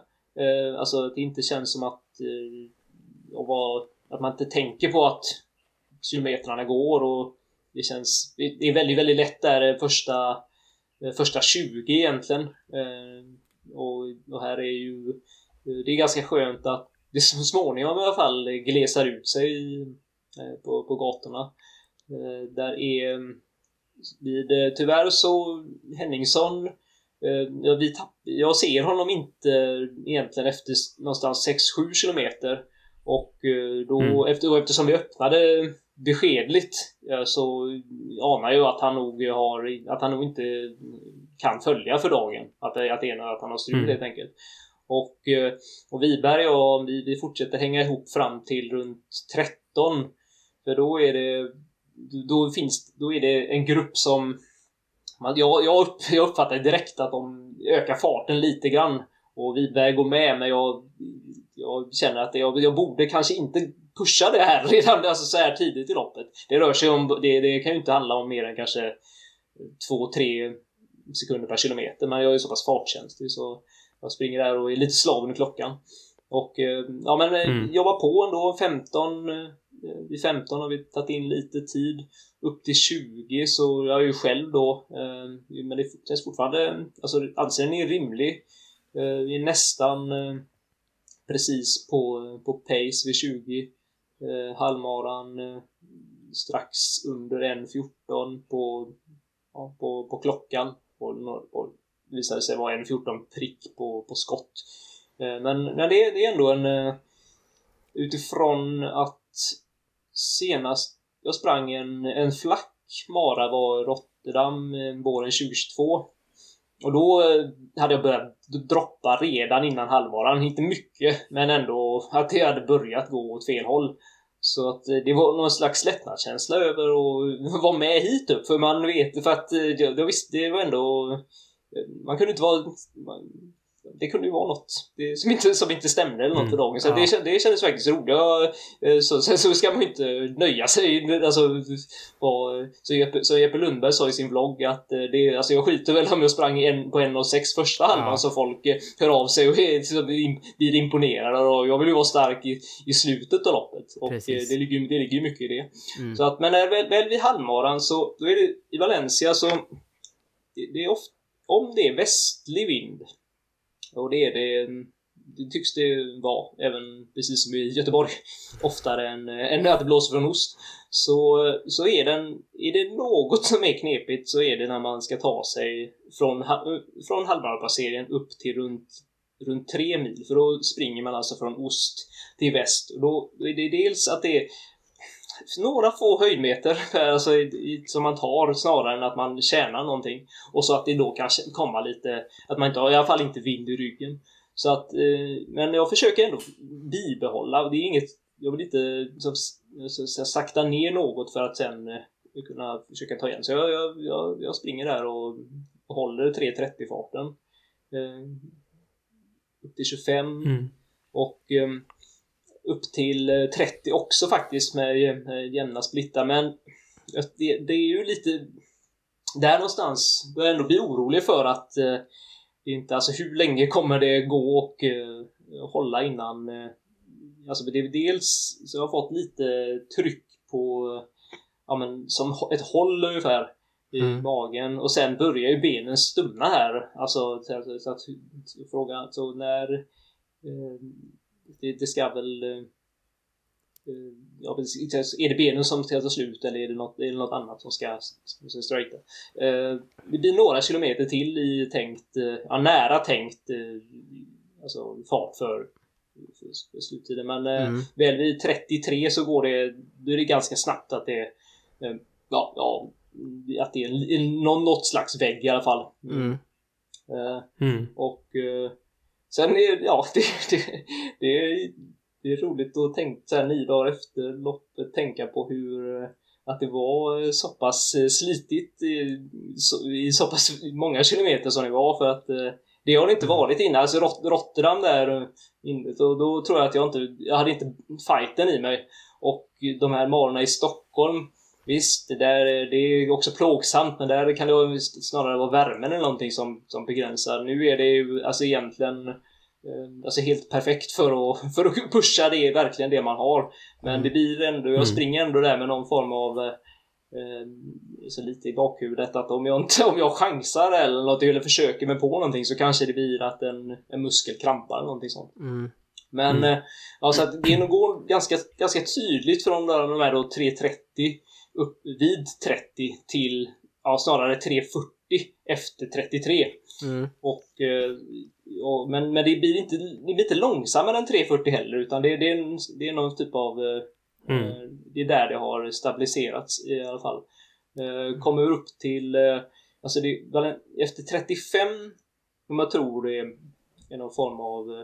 Det är en liten, liten stigning upp till 35 och sen så vänder så vänder verkligen banan så att, att, man, att, man, att det slutar sista. Så att har man åka med där så då, då, är det, då blir det åka av. Mm. Men det har ju tyvärr, har jag tyvärr inte. Men det är ju andra som har i, i, i loppet. Så att det, det är folk, folk mm. bombar på bra och även visade sig sen längre fram att det hade gått, det hade gått undan där. Men, så, så till 35 och eh, till 40 så vet jag, där är det som en, en längre raka i princip från 40 och eh, ner mot, ner mot mål där de här museerna ligger. Jag vet att eh, Christian eh, och, och Carolina Wikström som tyvärr inte kom till start, de, de kommer stå någonstans runt 40. Så, och bara pusha det som, det som finns. Så att det är ju ändå en det, det, är skönt att veta det, att, de, att man får, att man mm. får det, stödet där. Och, så att, men, så att, och, nu har man ju hunnit lägga bort en del tid där i 3.40-farten, men vid 40 så är det ändå en, en, om man gör överslaget så är det någonstans man, någon, runt en halv minut till godo. Eh, så det gäller mm. att inte, alltså, och, och ändå, för det är ju inte, det är ju inga, det är inte så stora marginaler. Nej, det är inte eh, säkert. Nej, men så att, men ja, ja det är varje, varje 400 ungefär försöker man, försöker man tänka att det, det är inte så, det, det ska inte vara så långt och sen så, eh, den är... Tvivlade du något? Ja, alltså inte, inte fram... Alltså jag, jag, jag kände mig säker vid, um, vid 41,5 skulle jag nog säga. Men sen i utförslöpan ner mot... Uh, det, är, det är lite brantare där plöts, plötsligt ner mot ner till mål. Då kom ett kramphugg plötsligt. Så då, mm. så då var det ju ändå nära att det, att, att det sket sig. Mm. Men sen så det, det, det la sig och så kom det, det kom folk bakifrån som andra svenskar som också hade som två, just under 2.30 som målsättning och de var de hade mm. ju eh, då disponerat krafterna bättre. De sprang jämnt lopp snarare. De, de liksom så här eh, och såg mig och hejade. Alltså, kom igen sista nu! Och så, då så det ju ändå mm. att styra in men det var inte, det var, det var slitigt det sista.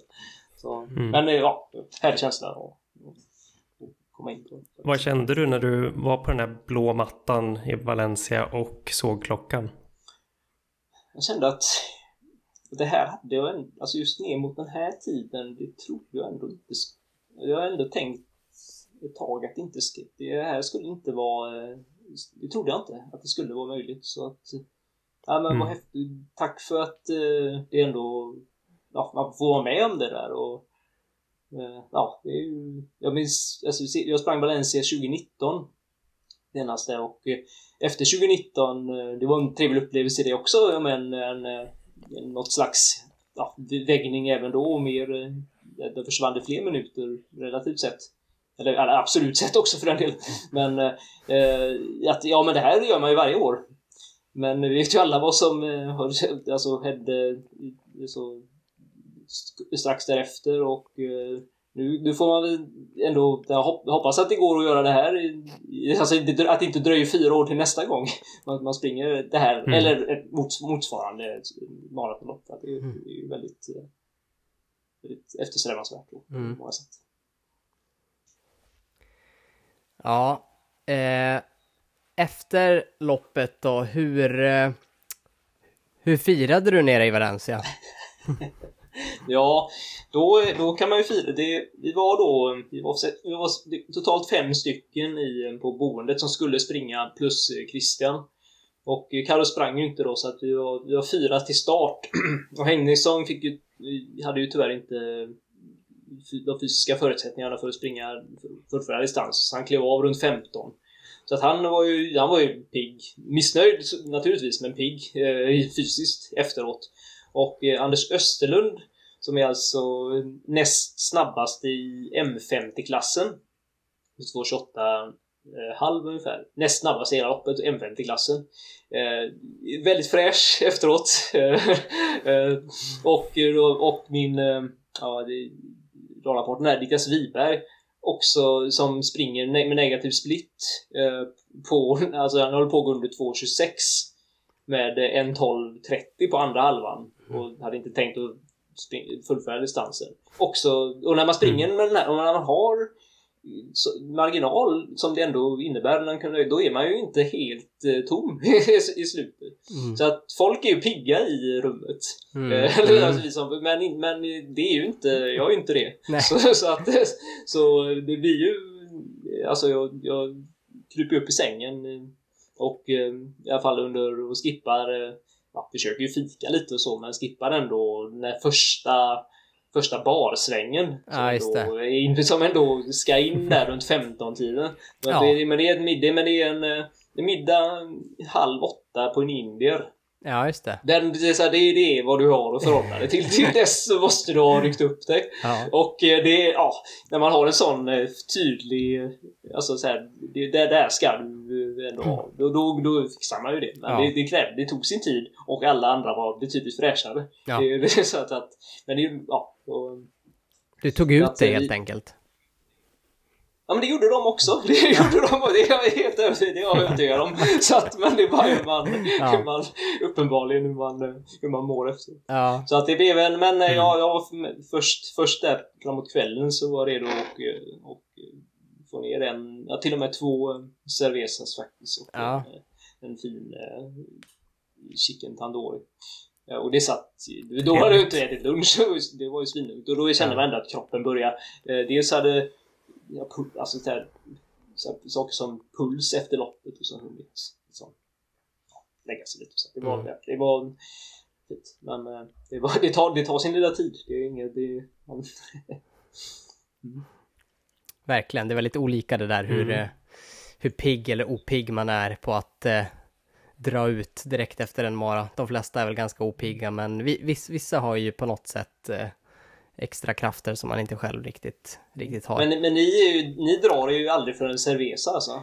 Nej, nej. Det, det... Nej, men det är ju det är ja, jo, men det, det, det är det. Ja. Vår, vår favorit är att man, man har liksom eh, direkt när man kommer tillbaka till hotellrummet så finns det liksom kyld, att man liksom innan man ens har duschat så liksom börjar man dränka sina mm. sorger eller eh, fira. Um, det, så, det får, jag får ta med mig det till nästa, till nästa lopp. Precis. Mm.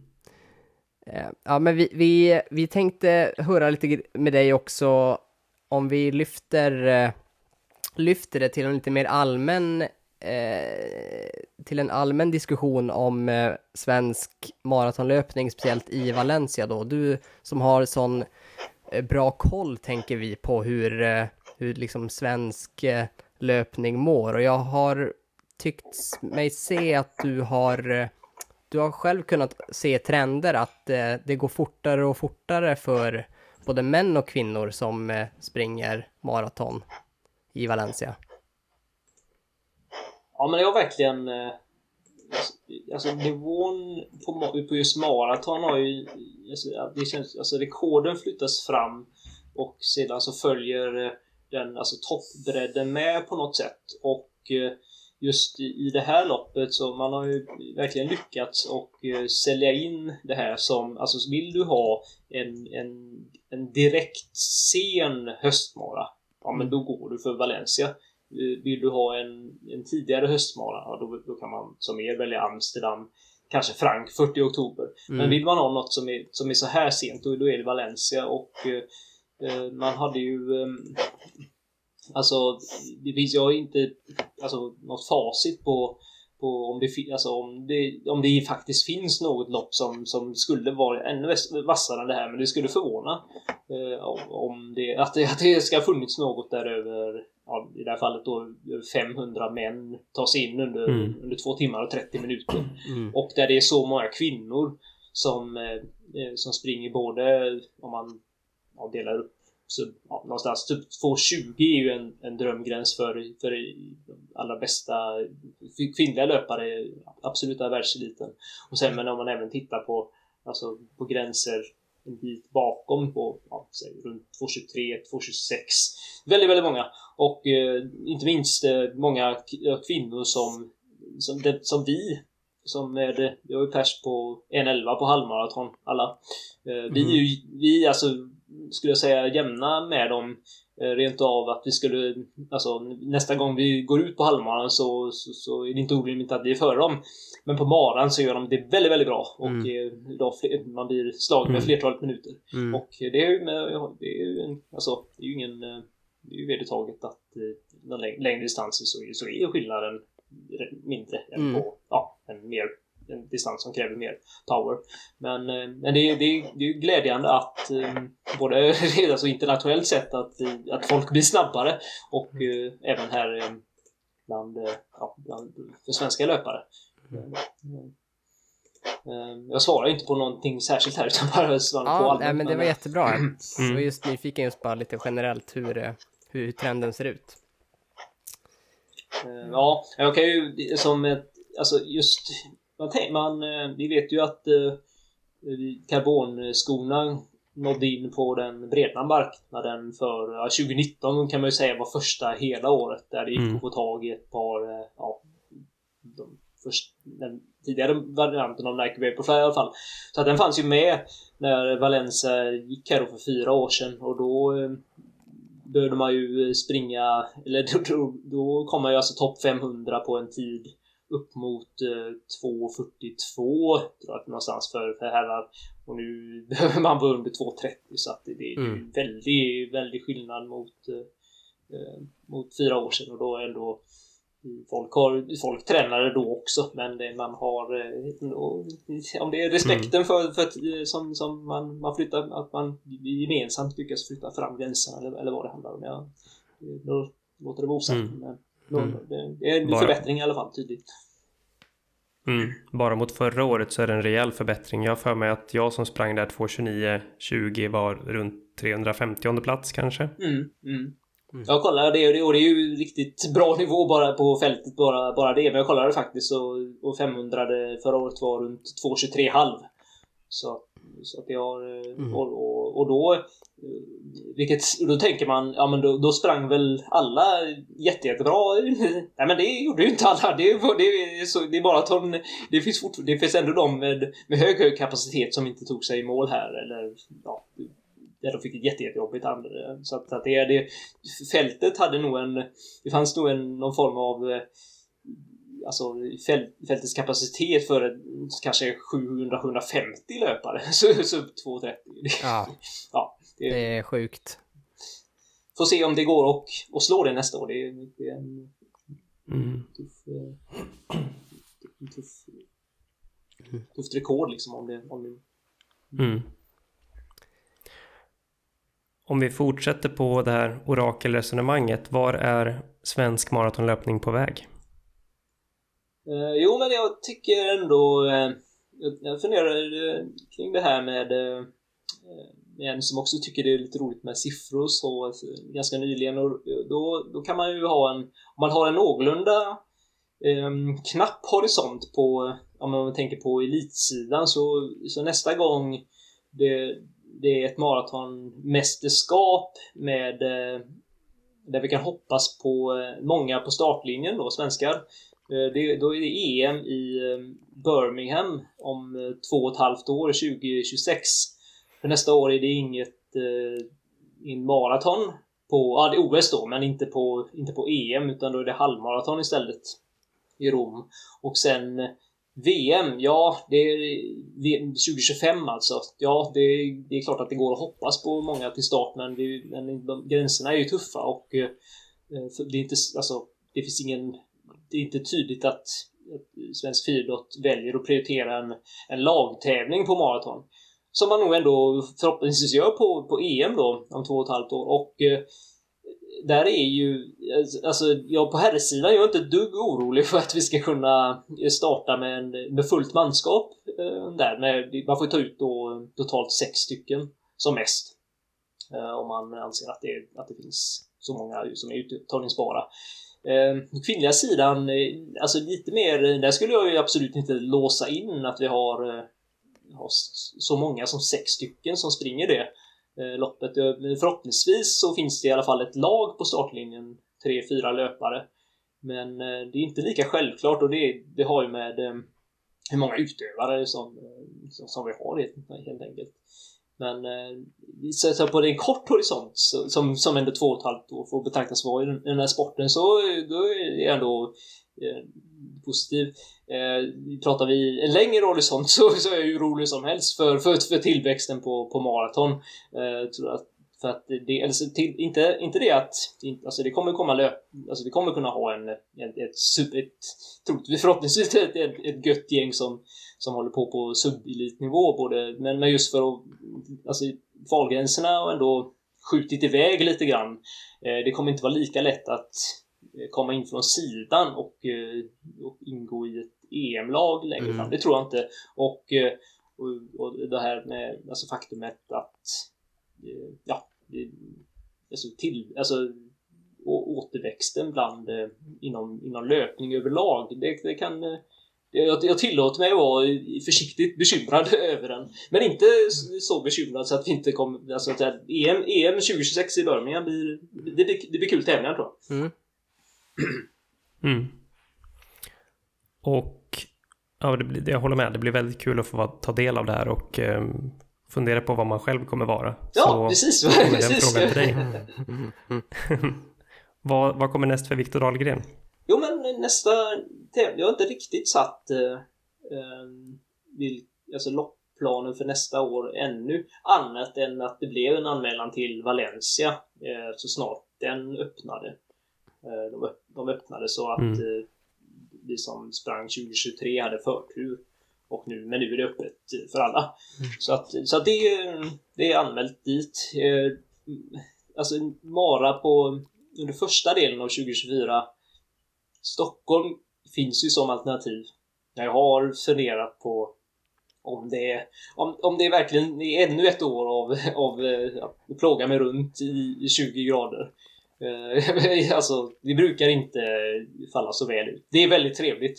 Eh, loppet och alltså, Stockholm har blivit... Eh, jag, jag tycker det är egentligen hur, hur trevligt som helst och innan ja, byta om i omklädningsrummet med ja, mm. gubbar och, ja, liksom, och sen gå ut, gå ut på Lidingövägen ihop. Men just så vi, skulle det Ja, det, det, jag får ju bestämma mig snart för, för, för att ska det in en i sen april eller möjligtvis Köpenhamn första veckan i maj så, så gäller det ju, det gäller ju att veta det så att man så att man ändå drar igång eh, något slags träning här snart. Mm. Mm. Ni, nu, jag vet ju att vilken mara du springer härnäst Hannes, men mm. du Malin, är du, är du på startlinjen på samma? Samma Ja, det är så. Det ja. är så. Ah, ja. Kul, vad kul. Mm. Ja, eh, precis. Ja. ja. det blir kul. Jag tänker jag kommer, jag, jag, jag ger ett till försök här innan jag lägger allt krut på, på kortare distanser här. Så eh, vi får se. Det kanske är Valencia som jag får slänga in en anmälan så att jag har det där i slutet av året. Där jag, där jag får, får till att lösa någonting bra. Det går ju alltid att, att, att, att skaffa en plats till det loppet. Ja.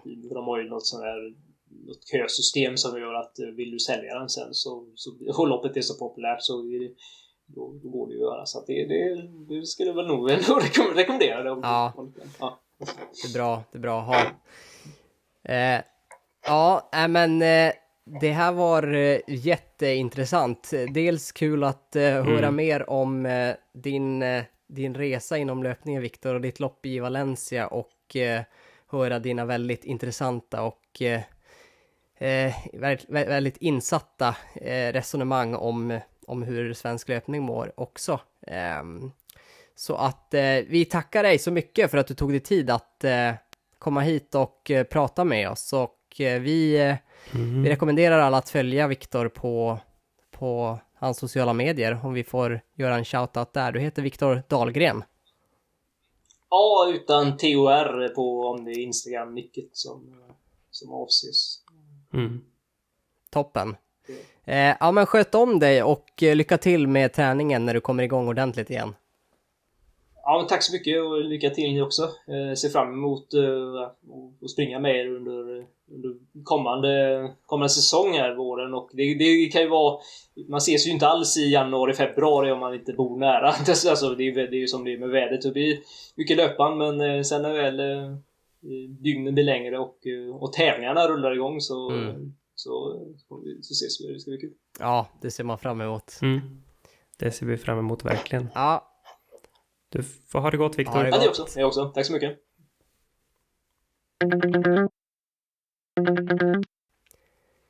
Ja, då har ni fått höra mer från Viktor Dahlgren och eh, ja, vad säger du Molle? Det var eh, en välförtjänt 2.29 tid som eh, Viktor fick där i Valencia trots stumma ben sista mm. milen. Jo men verkligen.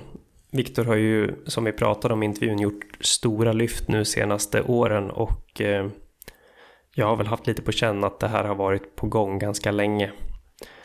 Vi nämnde inte det i intervjun, men förra året så var ju Viktor också anmäld till Valencia och blev sjuk med en vecka kvar till loppet och kunde inte ens åka ner. Mm. Så med tanke på hur surt det var för honom då att nu få gå in och leverera och sätta det där loppet så är det ju väldigt kul för honom. Verkligen. Eh, superkul.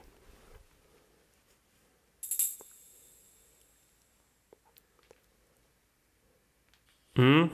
Ska vi börja ta oss in mot avsnittets eh, veckans träning. Ja, precis. Eller icke-träning kanske. Ja, exakt. Beror på hur man, beror på hur man ser det. Um, nej, men exakt. Den ena har ju varit lite mer aktiv än, äh, än den andra. Så mycket kan vi säga. Um, nu ska vi se här. Har du din träning möjligtvis äh, närmare till hands än vad jag har så kan du få börja att eh, ta, ta din. Absolut.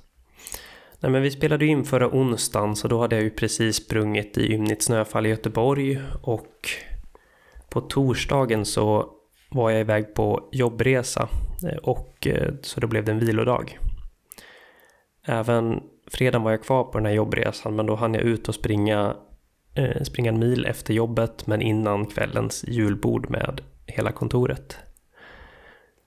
Och ja, men det var en mil på snötäckta vägar i Gävle av alla städer. Mycket behagligt. Ja, härligt. Ehm, sen kom ju den där stora tävlingsdagen då på lördagen. Ehm, jag började faktiskt dagen med att eh, köra en lite sån här lätt 15 minuters urskak på löpbandet på hotellgymmet. Bara mm. för att väcka kroppen lite. Jag brukar tycka det kan vara rätt skönt.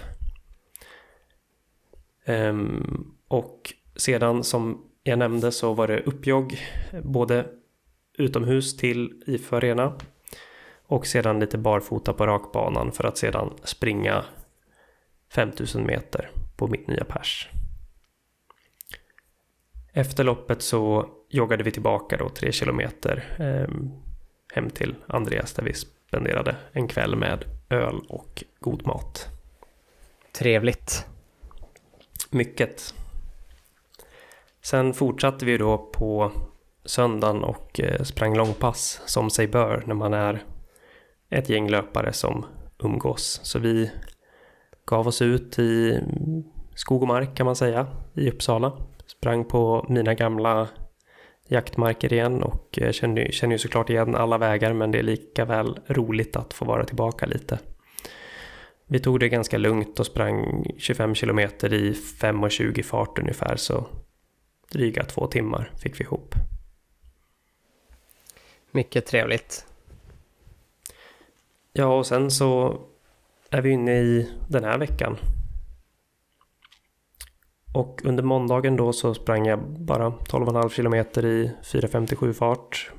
Lugnt och, lugnt och behagligt men ganska ganska halkigt i Göteborg trots att snön har försvunnit så här är det som ett lager blixthalka på asfalten på vissa ställen. Ja. Ehm, och idag spelar vi in på en tisdag så idag har jag först varit ute på lunchen 6 kilometer och eh, joggade lite. Och på kvällen så sprang jag kvalitetspass med ÖIS. Vi sprang 10 kilometer tröskel rakt av i 3.32 fart. Jag hade väl på förhand kanske tänkt ta en lite lugnare tröskel då idag, kanske springa runt 3.45, 3.40 någonting. Mm. Men jag hamnade i en bra klunga och eh, ja, hade, var roligare att springa med dem än att springa själv så då blev det lätt att man glider med. Mm. Kändes det som marafart? Nej, absolut inte. Inte idag. Nej, det, inte efter 5000 i helgen och även ja, även ja, bara lite allmän trötthet som man får ha Mm. ibland.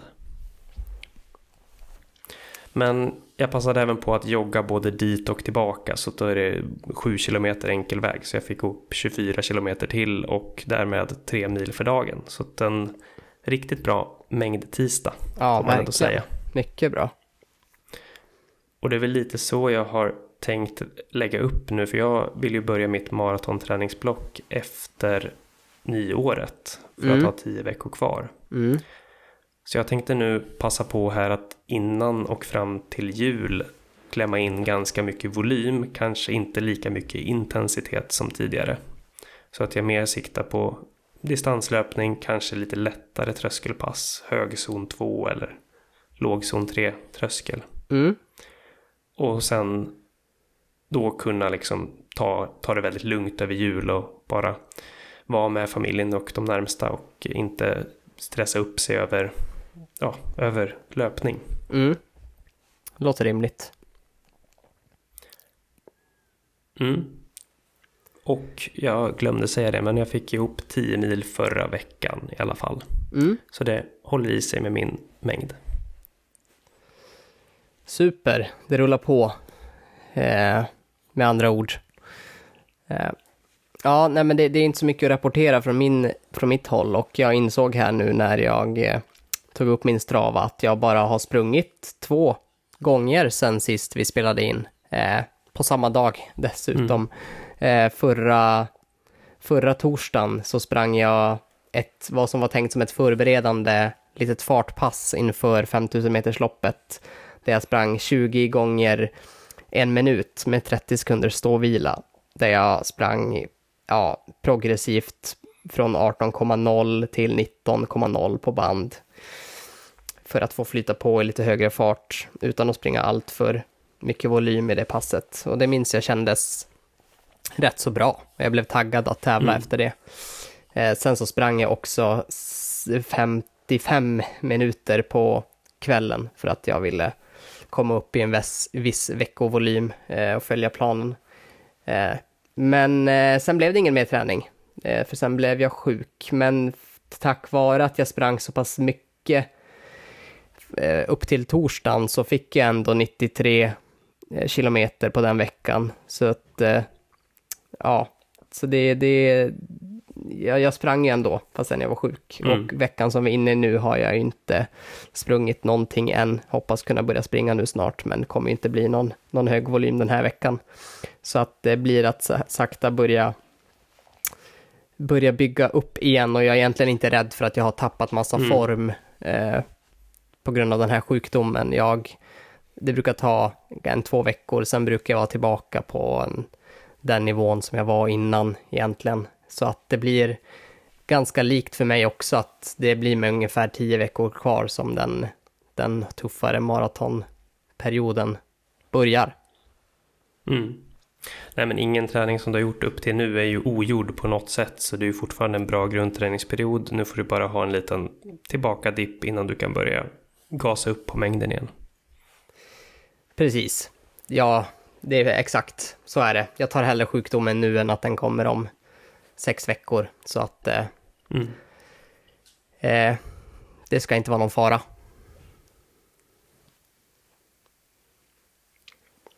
Mm, vad säger du, ska vi knyta ihop säcken för dagen? Ja, men vi knyter ihop säcken. Eh, det blev ett härligt avsnitt tycker jag den här gången också. Eh, vi tackar Viktor för hans eh, engagerande eh, deltagande och eh, vi eh, ser fram emot att följa honom här när han kommer igång mot sin eh, mot sitt nästa mål, vad det än blir. Och eh, vi fortsätter att träna på, fastän det är mörkt och kallt och snöigt och vind och vad det nu än är så, så ska vi springa Mm. Molle. Det gör vi. Och vi kommer ju fortsätta med podden också såklart. Och vi ser jättegärna om ni vill att ni får skicka in förslag till oss. Om det är någonting ni vill höra oss prata om eller om det är något ni undrar över. Mm. Så kan ni göra det på Instagram, att kafferumsloparna. Mm. Ni får också väldigt gärna sätta ett betyg på vår podd på antingen Spotify eller Apples podcast. Um, vilket som. Mm. Ehm, ja, Det blir vi jätteglada över. Nej, det var inte något annat. Eh, På Strava finns vi också, om vi inte nämnde det den här gången, som alltid. Eh, På Molle Olsson och Hannes Bjärnhagen. Ehm, Och eh, ja, nej, det, det var allt för den här gången, tror jag. Vi, Mm. vi hörs igen om en vecka med nytt härligt innehåll. Det gör vi. Ni får ha en jättehärlig vecka så hörs vi. Det gör vi. Hej då!